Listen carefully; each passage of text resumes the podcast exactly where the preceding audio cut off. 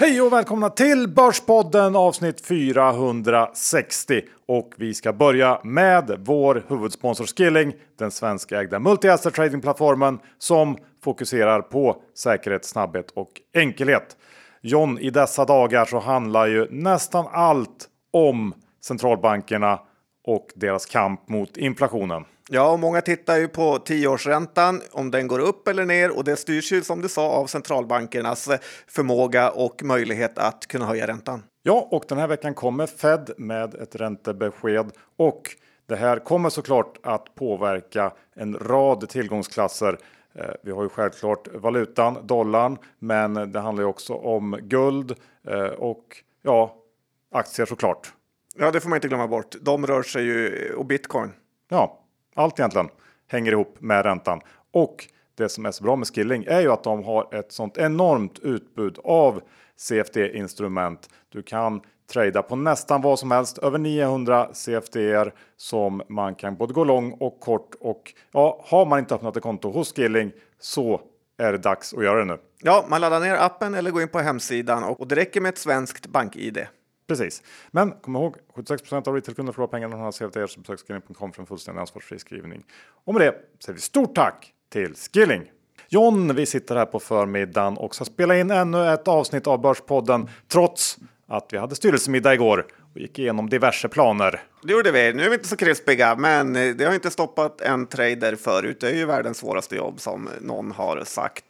Det ska bli kul att snacka SBB, vinstvarningar, men även lite case som man ska plocka upp nu när börsen har gjort eh, aktier billiga igen. Ja, jag känner att det här kan bli ett toppen avsnitt helt enkelt. Vi är denna vecka sponsrade av Just In Case, familjens plan B. Och John, i Sverige så har 98% en hemförsäkring, men vi har ju fullständigt glömt bort en annan väldigt viktig försäkring. Den som skyddar våra nära och gör att de kan behålla sin livsstil. Ja, det känns ju nästan som ett lifehack att som daytrader leva så här hårt och ändå kunna teckna en livförsäkring, Johan. Man kan ju välja på mellan 2 till 10 miljoner beroende hur mycket man tycker man är värd. Ja. Vad är du värd? Upp mot 10. Ja, det tycker jag faktiskt. Mm, du då? Ja, inte lika mycket, men någonstans däremellan. Och det är en sån försäkring jag faktiskt eh, tecknat med. Bra, och det tycker vi att ni också ska göra. Och man gör det ju enkelt genom att gå in på justincase.se snedstreck Bordspodden. För gör man det, då får man första månaden gratis. Sen tycker jag också att vi ska snudda vid det faktum att Spiltan Invest har gått in som storägare i Just In Case och Spiltan har ju under 25 år utbildat svenskarna om sparande och introducerat många nya innovativa finansiella produkter. Nu är ju tanken att Spiltan Invest ska göra samma sak med livförsäkringar genom då den här investeringen i Just In Case. Ja, så det är väldigt bra att kunna få ta del av det här, för det skyddar ju som du sa både dig själv och dina nära och kära. Ja, så gå in på justincase.se snedstreck för att få första månaden gratis. Vi säger stort tack till Just In Case. Johan Dr. Bass Isaksson, index är 1939, en sån där siffra som inte känns så härlig man tänker på årtal och framtida katastrofer i, i dåtiden. Det, så är det och eh, man kan väl säga att desto härligare känns väl mitt smeknamn Dr. Bass som har stigit kraftigt i värde i ja, år. Ja, det är goodwill-uppskrivning på den. Det är det verkligen. Eh, det är härligt, eh, men eh, som du säger efter en lite lugnare period här under några veckor så har det tagit rejäl fart neråt igen på börsen. Inflationen har ju överraskat på uppsidan här i slutet av förra veckan och diverse olika räntor tar nya highs varje dag känns det som. Och det här det är ju inget bra klimat för börsen. Som vi sagt tidigare ett antal gånger här under våren så måste inflation och ränteuppgång stanna upp för att börsen ska kunna vända på riktigt. Och eh, man kanske också gärna vill se att, eh, eller känna att centralbankerna snart kanske kan vända på klacken och gå åt andra hållet eh, när det gäller eh, kanske lite lättnader och sådär. Men det kommer nog att krävas en en nedgång i ekonomin helt enkelt innan vi når det läget och det innebär nog att det finns mer nedsida på börsen. Det är i alla fall min vy. Sen ska man väl också komma ihåg att den period vi har bakom oss den går till historien som en av de sjukare uppgångsperioderna som vi någonsin haft och det finns fortfarande en ganska stor fallhöjd om vi ska fortsätta att normaliseras så att säga. Det är inte säkert att det blir så, men eh, ja, zoomar man ut så finns det fortfarande nedsida. Eh, kortsiktigt däremot så börjar jag ändå känna att det finns eh, tendenser till sånt här, vad ska vi kalla det, ge upp säljande. Eh, de sista dagarna här, det har varit en accelererad nedgång. Eh, det skulle inte förvåna då om vi närmar oss ett litet björnmarknadsrally eh, här inom någon vecka eller något sånt. Ja, det krävs ju som du säger att det lugnar ner sig lite på räntefronten, för det är inte så bra att det kommer inflationssiffror på eh, 7-8 procent när tioårsräntan är på 3,5 eller under det. Så att det finns eh, mycket saker att oroa sig för, men det borde inte liksom hela nedgången komma på en gång. Nej, det gör den ju aldrig, utan det kommer flera sådana här björnmarknadsrallyn i en nedgångsperiod. Eh, vi går över John till gnällspikar. För det eh, kan ju vi vara ibland, men det finns andra också. Ja, där aspirerar vi på guldmedaljen. Men eh, när man läser på Finanstwitter så är det otroligt mycket gnäll bland aktiesparare nu. Men det är ju tyvärr så här verkligheten ser ut eh, som aktieägare. Eh, den här tidigare känslan som fanns att aktier endast kan gå upp, det är ju den känslan som är fel. Ofta är det kris efter kris, problem efter problem och har man tur så får man när året är slut 10 i avkastning inklusive utdelningar. Att gå in med förväntan om gratis pengar, att aktier dubblas på några veckor eh, eller som mest några månader. Det är ju bara något som händer kanske var tionde, tjugonde år, eh, som du sa tidigare, den perioden vi har haft bakom oss. Eh, dock ska det ju sägas att efter sådana här nedgångar det är då man kan köpa billiga aktier som blir långsiktigt helt okej okay investeringar eh, och inte när allt är på topp. Däremot är det ju så väldigt mycket svårare att våga köpa nu och dessutom troligt att man kommer hamna snett till en början för att pricka botten är ju omöjligt. Det är verkligen omöjligt. Eh, så jag håller med dig där och eh, ja, vi ska prata lite fastighetssektorn. Du kommer prata om SBB senare eh, i avsnittet, men eh, jag tycker ändå att det är lite intressant att titta på fastighetssektorn nu. Den skakar rejält på börsen eh, och det här måste man ju hålla ett öga på givet då att fastighetssektorns största insatsvara det är lån och om det vill sig illa så kan en krasch i fastighetssektorn ge spridningseffekter till våra banker bland annat. Ehm, men eh, det slog mig här när jag tittade igenom den här sektorns utveckling i år att det finns ett gäng som man ska ta rygg på och det är ju Sagax-gänget. Om du kommer ihåg vad de gjorde förra året? Sålde aktier kanske? Ja, jättemycket. Eh, de, de liksom vräkte ut aktier och det var ju så här i efterhand extremt vältajmat och här menar jag inte då att det handlar om något fulspel från deras sida utan mer att de såg vilken enorm övervärdering det var i sektorn förra året och tog hem lite vinst helt enkelt. Så ska man ta rygg på någon i den här sektorn så är det väl kanske Mindus och hans adepter. Ja, det flödar ju bara in pengar i fastighetssektorn via fonder, ETF och så vidare, utländska pengar förra året. Så att, eh, helt rätt gjort av insiders att eh, ta hem lite vinst och ja. får hoppas att de säger köpläge snart. Ja, och vi får tillägga här också att vi kommer med ett eh, specialavsnitt kan man säga om fastigheter i ett av våra sommarpoddar avsnitt här närmsta veckorna. Så att vi kommer att göra en djupdykning i sektorn. Ja, det var ett fantastiskt avsnitt. Ja, det är det. Du, eh, Denver Broncos är ju ett för jävla härligt eh, NFL-lag. Jaså, det tycker du? Vet du ens vilken färg de har på tröjorna Johan? Det känns som att de är blåa. Nej, de, Gröna? ja, men lite, de är jätteorangea. Eh, har väl lite blå inslag faktiskt. Okay, det var inte som jag tänkte mig. Nej, men de blev ju nyligen sålda till några av Walmart-familjen för sinnessjuka 4,6 miljarder eh, dollar faktiskt. Eh, vet du förresten vilken finansprofil i Sverige som är stort fan av Denver Broncos? Um det vet nej, du inte. Nej. Johan Karlström är det faktiskt. Okay. Eh, han hade ju den på Twitter ett tag. Eh, men jag tycker att när man säger det här och tittar på eh, vilket pris och vad Denver Broncos är värd så gäller det att förstå att riktiga tillgångar som behåller värdet över tiden nästan är ovärdeliga, eh, som sådana här fotbollsklubbar, alltså amerikansk fotboll. Att eh, trots att börsen går ner nu och att det är lite bäs på bostadsmarknaden, eh, jag tycker inte att man ska panikera och sälja ut allt man äger och har bara för att vi har en svag period, utan försöka tänka lite långsiktigt att de tre, fem, tio år, kommer det jag har och äger nu vara värt något då eller kanske ännu mer? Så att eh, behåll och köp riktiga tillgångar, inte panikera. Ja, nej men absolut. Så ska man ju göra. Och hur ska då bolagen göra när det gäller återköp, John? Ja, det är de här lägena man egentligen skulle säga att bolagen gjorde återköp. Inte när allt står på topp och ser bra ut eh, och de har några extra hundra miljoner. Lex eller, Byggmax. Ja, eller några miljarder över att spendera. Utan eh, titta till exempel om fastighetsbolagen eh, skulle börja köpa tillbaka sina D-aktier nu eller nästan vilken sektor som helst, att utnyttja den här svackan till att långsiktigt höja vinsten per aktie med återköp. Eh, men istället så har vi ju sett, som du sa Johan, att eh, bolagen istället kastar bort pengarna på värdelösa återköp när aktierna är skyhögt eh, värderade. Bolagen borde ha lärt sig av Swedish Match att om man ska göra återköp så ska man göra det kontinuerligt, år efter år, i alla lägen. Eh, lite som att en privatperson månadssparar, inte bara riva av allt på en gång eh, när man har fått en eh, kassa hög över. Nej, men precis så, jag håller med dig. Och eh, det är väl helt enkelt så att eh, bolag, de eh, styrs av människor och människor agerar på samma sätt. Så det är ju ingen skillnad egentligen mot hur eh, de flesta aktiesparare agerar. Nej, det är verkligen sant. Man ska inte ha övertro på ledningspersoner i bolag. Nej.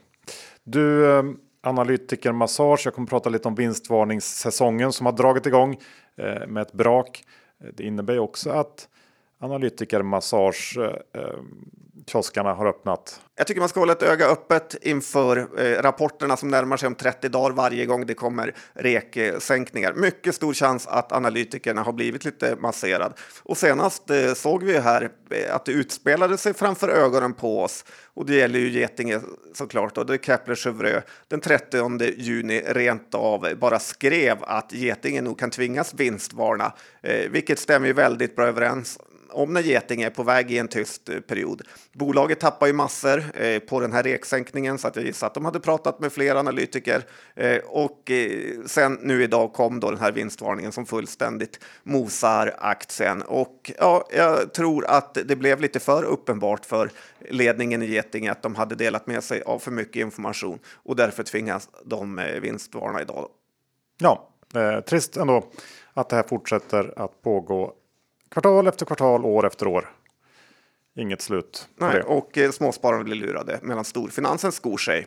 Ja, eh, kanske lite omvända roller inom SAS på något sätt. Eh, för där skor sig inte eh, finansen.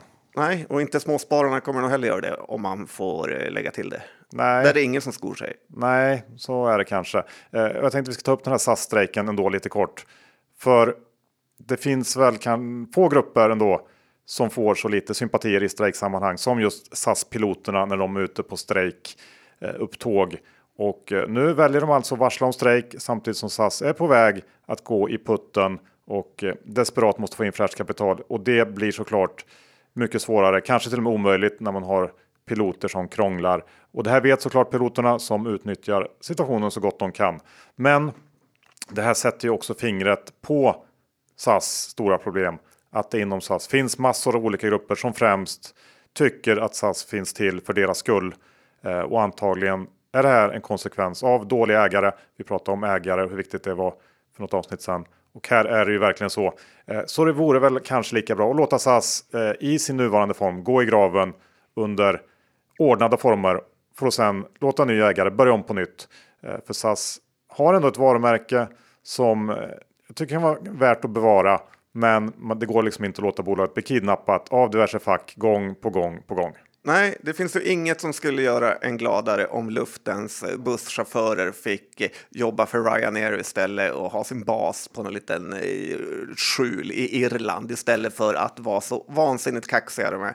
Som gammal bagagelastare vet jag ju hur illa piloter behandlar bagagelastarna så att jag är verkligen inget eh, fan av piloter. John, vi har denna vecka den stora äran att vara sponsrade av Fidelity. Och Asien är ju som många vet ett av Fidelitys fokusområden. De har 50 års historik av att göra affärer i Asien och det här är en stor marknad. Det är många länder och många investeringstillfällen. Ja, för det är faktiskt så att 60 eh, av jordens befolkning bor i Asien. Ja, det är mer än bara Kina och Indien och Fidelity har ett stort fondutbud och då lokal kännedom, vilket vi uppskattar väldigt mycket. Och hela Fidelity Internationals utbud hittar ni på deras hemsida fidelity.se eller hos de stora handelsplattformarna eller försäkringsbolagen. Vi ska också påminna om att investeringens värde och eventuella intäkter från dem kan både minska och öka. Det kan hända att du inte får tillbaka det investerade kapitalet och historisk avkastning inte en tillförlitlig indikator för framtida resultat. Våra sponsorer tar inget ansvar för det som sägs i podden och åsikter uttryckta kan redan agerats på och inte längre gälla. Det är också viktigt att läsa prospekt samt KID-dokument och investeringar på tillväxtmarknader kan vara mer volatila än på andra mer utvecklade marknader. Stort tack till Fidelity International! John, vi går direkt på eh, det viktigaste och det är väl ändå vinstvarningssäsongen. Och den har börjat starkt får man säga. Ja, det finns ju inget som är värre än när det kommer en flash om att ens egna bolag man har i portföljen gör en vinstvarning. Om man vet eh, om den kommer på kvällen att imorgon kommer man bli straffad eller när den kommer på morgonen att man bara sitter och ser hur kursen tickar ner i kolen. Eh, vidrigt är det. Ja, det känns lite som att springa genom ett minfält just nu. Eh, bara dimper in vinstvarningar varje kväll och morgon. Och, eh... och jag tycker man ska komma ihåg när eh, proffsen säger att eh, saker är inprisade redan så är de aldrig det. Utan när vinstvarningen kommer så sker det nästan, nästan alltid eh, stora fall av eh, aktiekursen. Ja, så är det verkligen. Och eh, vi kan börja med Desenio som igår gick ut och vinstvarnade. Omsättningen rasar 36% här under april och maj. Ebit minus 13 och det är alltså bara då två månader som de har räknat ihop här. Det lär ju inte bli bättre kommande månader här som säsongsmässigt väl inte är de största affischköparperioderna. Ehm, stora problem är skuldsidan. De har en obligation på 1,1 miljarder. Den kostar drygt 15 miljoner kronor i ränta eh, i Q1 och eh, givet att det här då är, nu är ett bolag som går med en rejäl förlust eh, utan vad jag kan se i alla fall några större utsikter till vändning så måste man nog säga att det är kört för alla aktieägare. Eh, givet skuldsättningen så är ju aktien egentligen värdelös som det ser ut nu och eh, det kommer ju garanterat komma en ny emission på eh, väldigt låga nivåer. Folk älskar att håna krypto, men man måste väl ändå säga att merparten av allt skräp som noterades under förra året faktiskt är ännu värre. Så köpte man Desenio på noteringen och sitter kvar med de aktierna nu så har man förlorat i princip 100% av sina pengar. Och det är ju totalt oacceptabelt. Någon måste straffas för det här. Ja, vi sa ju förra veckan att eh, drog vi upp några nyemissionskandidater. Desenio det kommer ju definitivt göra nyemission, men frågan är nog om de inte borde gå i konkurs istället. Det finns ingen riktig uppsida i det här bolaget och jag tycker är man småsparare överge det. Eh, det finns, det finns inget att ha. Eh, det var lite kul också att det stod ju i affärsvärldens golvet här för en tid sedan att Desenio eh, skulle bli det nya Eniro och det stämmer ju väldigt eh, bra. Och man måste alltid titta på skuldsidan. Det är den som förintar bolag och här är ju Desenio är verkligen ett bra exempel på det. Och Eniro, för det här har de gått bort sig. Ja, så är det. Sen har vi också XXL. Var ute igår, meddelade marknaden att de inte kommer nå förväntningarna. Pratar om svagare konsumentförtroende till ekonomin och minskad generell efterfrågan på sportutrustning Eh, och den här lägre efterfrågan leder då till fler kampanjer och rabatterbjudanden och sätter press på bruttomarginalen och resultatet. Eh, stora estimatsänkningar på helåret kommer att bli efter det här från analytikerna och det ser ju inte jättekul ut för XXL eh, om man som jag tror att konsumenten precis börjat deppa och antagligen kommer göra det ett bra tag till. Din eh, lynchning visar sig vara helt rätt John och man kan då uppenbarligen nå hela världen från Bromma Blocks på något sätt. Ja, så är det. Och det var ju otroligt under en period att varje sån här XXL-lada var värderad till 250 miljoner. Eh, det är ju nu värd nästan ingenting eh, längre faktiskt. Så att eh, XXL har verkligen kört bort sig och det här är också ett bolag som tagit in på börsen för inte allt för länge sedan men tappat nu 90 procent av det värdet. Sen har vi Getinge som vi var inne kort på här i början. Gick ut och vinstvarna igår kväll och aktien är ner eh, riktigt mycket nu i morgonhandeln. Eh, 16-17% när vi gick in och spelade in, påbörjade inspelningen. Eh, aktien har också tappat mycket sista veckan här som du var inne på. Sänkta rekar, massagekänsla var det där. Och givet det så kändes det kanske inte som en total överraskning. Men eh, i samband med eh, Q1 som också var en besvikelse så var ledningen ändå tydliga, tydliga med att det hade vänt upp under inledningen av Q2 och det visar sig ju då nu vara helt fel. Eh, så att Getinge åker ju på en förtroendesmäll här eh, och uppenbarligen så har man en mycket sämre visibilitet i affären än vad marknaden och ledningen själva trott. Och jag tror det är mycket det som um, ligger bakom den här kraftiga nedgången idag. Ja, och de hade ju som du sa haft ett enormt corona uppsving som man nu får ge tillbaka. Så att det är inte mer än så. Så är det. Och det har ju kommit fler vinstvarningar, men eh, jag stannar här. Eh, jag tycker att eh, det i flera fall ändå ser ut som att konsumenten inte längre är så köpglad och det börjar ju sippra ut i bolagens siffror på olika sätt. Lite oroväckande då tycker jag inför resten av året. Ja, och det är väl lite känslan av att det just har börjat med den här lågkonjunkturen och att det så fort eh, slår ut på bolagens vinster eh, är ju det som är läskigt. Det är det. Eh, ska vi ta veckans kanske största snackisen då på börsen? Det är ju då turerna i SBB och den vilda handeln, pressmeddelandena, Ilja. Ja, allt. Ja, men det är så mycket snack så att det skulle kunna fylla en egen podd. Och många är ju ute efter Ilja nu, många hejar på Ilja. Så att det är ju eh, två olika lag där ute. 29 juni här så ska man ju betala ut 100 miljoner kronor i cash för att betala räntan på D-aktien. Eh, D-aktien har nu fallit också så mycket så att den ger nästan 10% i ränta. Eh, det här eh, spiller över på många andra bolag som gör att det är praktiskt taget helt omöjligt att finansiera sig längre via preffar eller D-aktier. Och eh, ja, man kan väl tycka om något eh, så borde SBB börja sälja av fastigheter nu för att eh, betala av skuld. Eh, för den har ju skenat kostnaden på SBBs skuld. Och bara det i aktien som jag sa här ger ju 10% i avkastning och får man ju inte på någon fastighet längre. Och så snackas det ju SBB överallt. Ryktena till mig nu säger att Nordea håller på att försöka reda upp Iljas privatekonomi. Eh, för att det är folk som vill ha tillbaka sina pengar från den här privata obligationen som är utställd. Andra rykten säger att de här försäljningarna vi sett eh, sista tiden, att det är Ilja som tvångsäljs. Eh, det är ju Sveriges mest ägda aktie och dessutom den som omsattes mest igår på börsen. Eh, så det har också blivit en sån här liten sektliknande följarskara här. Eh, och det känns nästan orimligt egentligen för ett fastighetsbolag att det har gått, eh, dragit med sig så mycket känslor för ett sånt, eh, ja, så pass tråkig business. Men Ilja har ju verkligen fått med sig folket här. Jag vet inte om du läste det, men mobben var ju som galen på Bråse här på Twitter efter en artikel han skrev om SBB.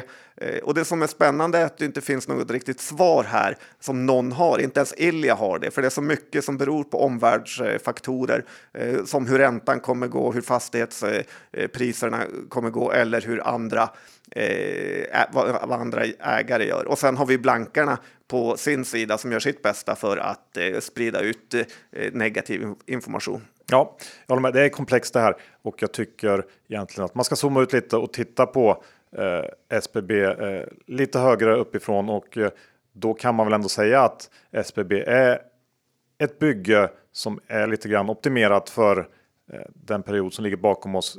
Det är många som har pekat på det här med att om de skulle behöva refinansiera sina skulder idag så går det inte ihop. Och det är klart att eh, det gör marknaden orolig. Ju längre vi har den här liksom högränteperioden Eh, desto värre blir det för SBB. Så att, eh, det är ju inte så konstigt att aktien har haft det tufft. Eh, helt enkelt. Nej, sorry. Men man får ju hoppas att givet hur enormt många aktieägare man har att det här ändå slutar hyfsat lyckligt. Plus att man gillar ju ändå Ilja. Ja, man gör ju det, men samtidigt så gäller det att kunna eh, parera marknaden och ett problem är att eh, alla verkar gilla Ilja så att han har dragit med sig mycket det här. Så Inte nu... riktigt alla tror jag. Nej, okej, okay, sorry. Och lite färre kanske efter 70% plus ner i år. Eh, det är ju, gör ju ont. Det gör det mm. i portföljerna. Vi går vidare John. Um, vi har turistaktier. Kan vara kul så här inför sommarsemestern. Ja, för och kanske kul man vill köpa dem, för de har ju gått fullständigt eh, käpprätt sista tiden av många olika anledningar. Bensinpriset har gått upp mycket. eh, i USA då när jag pratar amerikanska turistaktier här och eh, det gör ju att folk förflyttar sig mindre. Sen har vi den generella inflationen, eh, att allt blir dyrare och då har ju amerikaner mycket mindre pengar att lägga på semester. Och sen de här nya nedstängningarna i Kina, Eh, vilket eh, inneburit att dels kasinobolagen som finns i Macao får det jättetufft, men också att eh, man gärna vill ha rika kineser som kunder på flygbolag, kryssningsbolag och i Las Vegas. Här. Det är ju trist. Samtidigt så kan man ju tycka att kanske våra svenska online-kasinobolag nästan borde gynnas av det här för att eh, de här stora kasinokoncernerna ser värdet av att ha mycket business eh, online.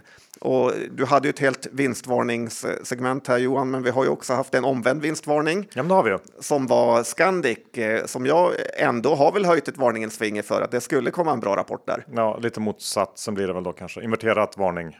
Ja, ett positivt varningens finger här. Och eh, det var ju en omvänd vinstvarning för Q2. Eh, aktien har inte fått något eh, betalt egentligen för den eftersom det varit så extremt eh, negativt sentiment på börsen. Eh, jag vet också att många hedgefonder letar efter blanka läge här för att man eh, fokuserar på Scandics dåliga balansräkning. Eh, men jag känner väl mer att Scandic är ett nordiskt play och att man inte ska blanda ihop dem med de här utländska sektorkollegorna som har gått eh, jättedåligt. Eh, för vi har den svaga svenska kronan som kommer gynna närturismen och eh, turismen från andra länder. Och dessutom om du lynchar Booking och Hotels.com så ser man hur extremt dyrt det har blivit med hotellrum. Eh, jag tror faktiskt att vi också kommer ha en väldigt bra Q3 eh, för Scandic eh, och det kommer tvinga upp kursen oavsett vad blankarna vill. Ja, lite kul. Ännu en eh, John Lynchman vinst där. Faktiskt, ett, vad står det nu? 30-0. Du var på frukostbuffé Scandic eh, Härnösand eller något sånt. Köpenhamn var det Johan. Okay. Det räckte. Ja, varför skulle det varit i Härnösand? Jag vet inte. Jättetaskigt sagt. Nej, det var det väl inte. Eh, bra. Vi kastar oss över till Avanza. För de har ju släppt månadssiffror för maj. Och de eh, visar väl på en fortsatt ganska låg aktivitet. Eh, den provisionsgenererande omsättningen per dag den minskar med 29 jämfört med förra året. Eh, de har fortfarande nettoinflöden 2,8 miljarder i maj Eh, liten ökning från april, men det är en stor minskning jämfört med om man tittar på eh, månadssnittet under hela 2021 som låg på 7,5 miljarder kronor. Och det är väl inte eh, jätteförvånande att den här svaga börsutvecklingen börjar slita på avansianerna. Eh, och även om Avanza-aktien är ner 40% i år så tror jag att eh, man måste ha en ganska positiv syn på börsutvecklingen. Ehm, och tro att den ska vända här omkring för att den här aktien ska vara intressant. Jag tittar lite grann på siffrorna och innan eh, pandemihåsen, alltså 2019, så gjorde Avanza lite drygt 500 miljoner ebit och förra året så dundrar man in på drygt 2,4 miljarder. Det är uppenbart att Avanza hör till en av de större pandemivinnarna eh, och eh, även om analytikerna räknar med vinstminskning i år så tror jag att det finns en ganska stor risk att den blir eh, kan bli större än vad marknaden räknar med just nu. Så att jag skulle eh, vara väldigt försiktig med att fånga eh, dippen i Avanza. Eh, sen finns ju såklart den här generella strukturella trenden att eh, de äter liksom marknadsandel, men eh, den går ju ändå inte så snabbt. Så att jag tror att det finns eh, en hel del att ge tillbaka här för Avanza? Ja, det finns eh, jättemycket att ge tillbaka. Dels så eh, ju mer den här trenden om att de blir en vanlig bank, eh, de tar av den, desto lägre kommer värderingen bli för att vanliga banker har jättelåg värdering. Och sen, det kommer ju vara mindre Teslor i Avanzas garage efter Eh, de närmaste optionsprogrammen när de löser ut. Inte lika krispigt att vara eh, anställd på Avanza. Jag vet inte om du har hört det Johan, men det ryktas ju om att det är stora interna konflikter på Avanza just nu där vdn har gynnat eh, sina kompisar och satt dem på toppositioner inom Avanza medan trotjänare har fått gå. Mainstream media har ju helt missat det här, men följer man LinkedIn eller är inne där och kikar så ser man att väldigt många nu lämnar Avanza eh, med sånt här snack att eh, de har haft en helt magisk tid och alla otroliga kollegor, men det är dags att gå vidare. Eh, ja. Väldigt många sådana har lämnat Avanza nu och jag har hört att det är mycket interna stridigheter, så jag tycker inte alls det känns så bra att, ja, med Avanza-aktien heller. Nej, intressant, intressant skvaller där John. Eh, kan bli kul att följa. Ska vi ställa och ta eh, Johns tre eh, case som det kan vara värt att titta på nu eh, ur ett köpperspektiv. Ja, men jag tycker ändå att man måste försöka vara lite positiv och hitta intressanta case. Och då har vi ju ett case i Securitas som har ju havererat på börsen. Den Här aktien är ju eh, Eh, i 87 kronors nivån här från att eh, lång tid har handlats eh, betydligt över 100 lappen här. återigen är det ett EQT-bolag som är stora ägare i ett bolag som går väldigt dåligt på börsen. Det finns ju många saker som är kortsiktigt negativa för Securitas som högre bensinpriser när de burnar runt i alla sina bilar. Det är svårt att få tag i personal, det är stigande löner. Och sen som Ericsson så tror jag att marknaden hatar deras förvärv Eh, som blir dyrare dag för dag med en skenande dollar. Och det är ju helt uppenbart att man har betalat alldeles för mycket eh, för eh, det här bolaget Stanley Securities var det va? Och sen har man ju en nyemission som någon gång ska göras och det gillar ju aktien och aktiekurser absolut inte att man har en nyemission framför sig. Men på kurser här kring 87-88 kronor så tycker jag ändå att det börjar bli läge att köpa in sig. För Securitas är ju ja, lite av ett återöppningscase. Man behövs ute på flygplatser. Det har vi sett att eh, det snarare kommer öka den typen av personal. Eh, de behövs i butiker och på stan. Eh, på längre sikt bör man kunna reda ut de här svårigheterna och då tror jag att dagens kurser ändå är attraktiva att köpa på. Det här är en ganska enkel business med som inte har så mycket svårigheter i sin verksamhet, utan det är kortsiktiga problem och jag tror att man kan passa på att köpa lite här. Ja, jag håller med. Du tog ju upp alla farhågor där så jag har inte så mycket att tillägga egentligen. Nej, men bra, då kör vi vidare. Ja. Ett annat case här är ju Billerud som jag tycker känns lite spännande som eh, nyligen gått igenom en sån här nyemission under den sämsta möjliga tiden och eh, då har ju aktien inte kommit undan det utan straffats rejält.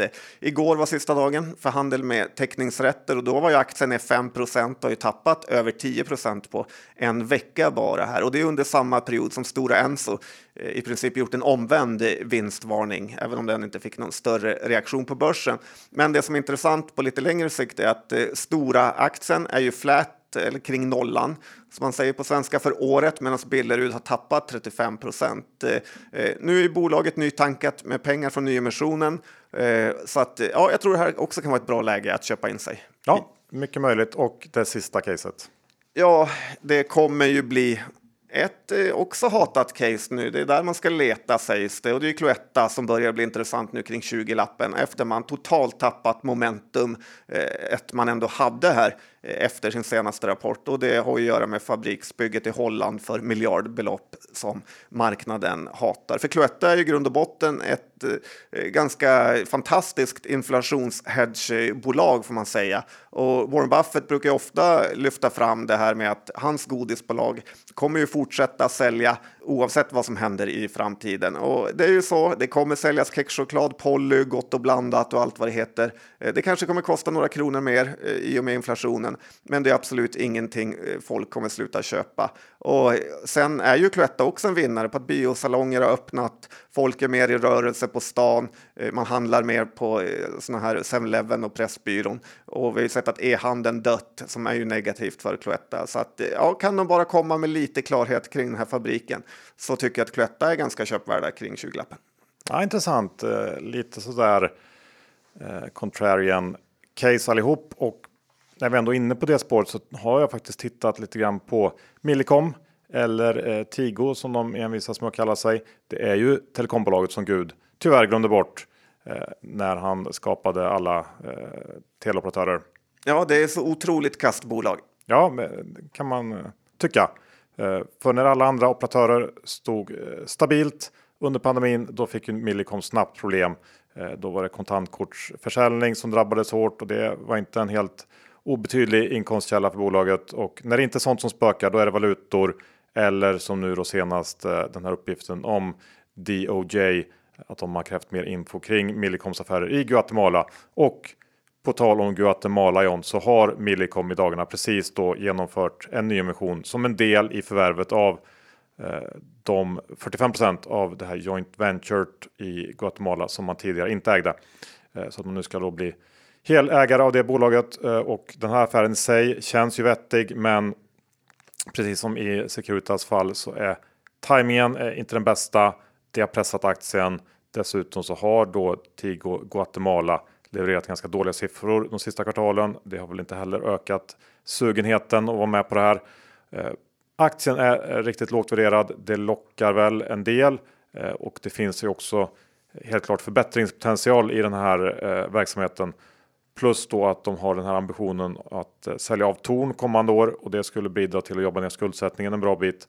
Eh, tyvärr så är ju den här typen av bolag med eh, sydamerikansk politisk risk och mångårig underleverans i verksamheten eh, kanske inte det som lockar mest i dagens klimat. Så att jag eh, har inte köpt här. Men ja, det finns ju intressanta aspekter av det här caset just nu. Aktien är nedpressad i samband med emissionen. Ja, men det är så uselt case. De har sina skulder i dollar och sina intäkter i skräpvalutor. Det kan aldrig bli något. Det har aldrig blivit något. Det är lika bra att stå utanför Tigo. De har svikit eh, sina aktieägare så länge och äh, jag vill inte veta något av dem. Dessutom att bråka med DOJ, Department of Justice i USA. Det finns ingenting som gör en mer rädd. Hårda bud från Skogman. Ja, liten men tuff. Ja, kan man säga. Jätteliten. Ja, och jättetuff. Ja. Ingen bra kom Nej, det är ingen bra kombo. Är det ingen bra? Nej. Nej. Nej. Uh, hur är det med Wingefors då? Är han liten och tuff? Ja, det tycker man eh, att han är, eller hans aktieägare. För det har också varit en liten sån här snackis som kanske hade varit ännu större om inte SBB hade tagit allt fokus.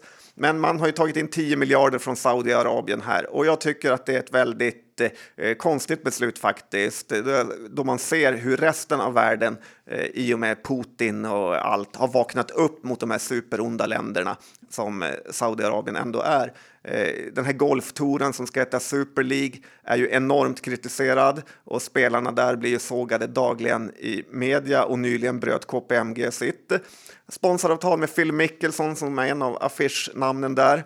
Eh, och eh, sen har vi VM i Qatar som varje dag får sig en släng av sleven. Eh, och inom, det och inom fotbollen är det enda man pratar om att Newcastle har saudiska ägare här och att i just det läget ta in pengar från Saudiarabien känns väldigt, väldigt dumt. Och det här är ju något som kommer hänga över bolaget för alltid på ett negativt eh, sätt. Och jag tycker ändå att man måste hålla sig från ondska så gott det går, även om det är mycket pengar. Så att, ja, här tycker jag Wingefors eh, gjorde fel. Slut på avsnitt 460. Vi säger stort tack till vår huvudsponsor Skilling. Eh, nu närmar vi oss sommaren med stormsteg, semestrar, resor. Man är på eh, resande fot helt enkelt. Och vad passar då bättre än att kunna handla Eh, överallt när som helst via Skillings app. Så se till att ha den nedladdad och ett konto igång. Men kom ihåg att 76% av lite kunder förlorar pengarna om man efter er så besök skilling.com för en fullständig ansvarsfri Och med det säger vi stort tack till Skilling. Innehav idag? Eh, ja du John, jag tror inte att det är så mycket för min del som vi har pratat om faktiskt. Eh, utan jag eh, försöker att hålla mig borta från det mesta när det är så här. Ja, jag har eh, tradat lite Securitas och Billerud och har även en stek eh, Cloetta såklart. Eh, så att eh, munnen är där pengarna är. Mm. Då... Inte så gosigt. Nej, det är inte så. Så är det. Men eh, tack för att du lyssnade den här veckan. Vi hörs nästa vecka igen. Ta det lugnt där ute. Hej då! Det gör vi.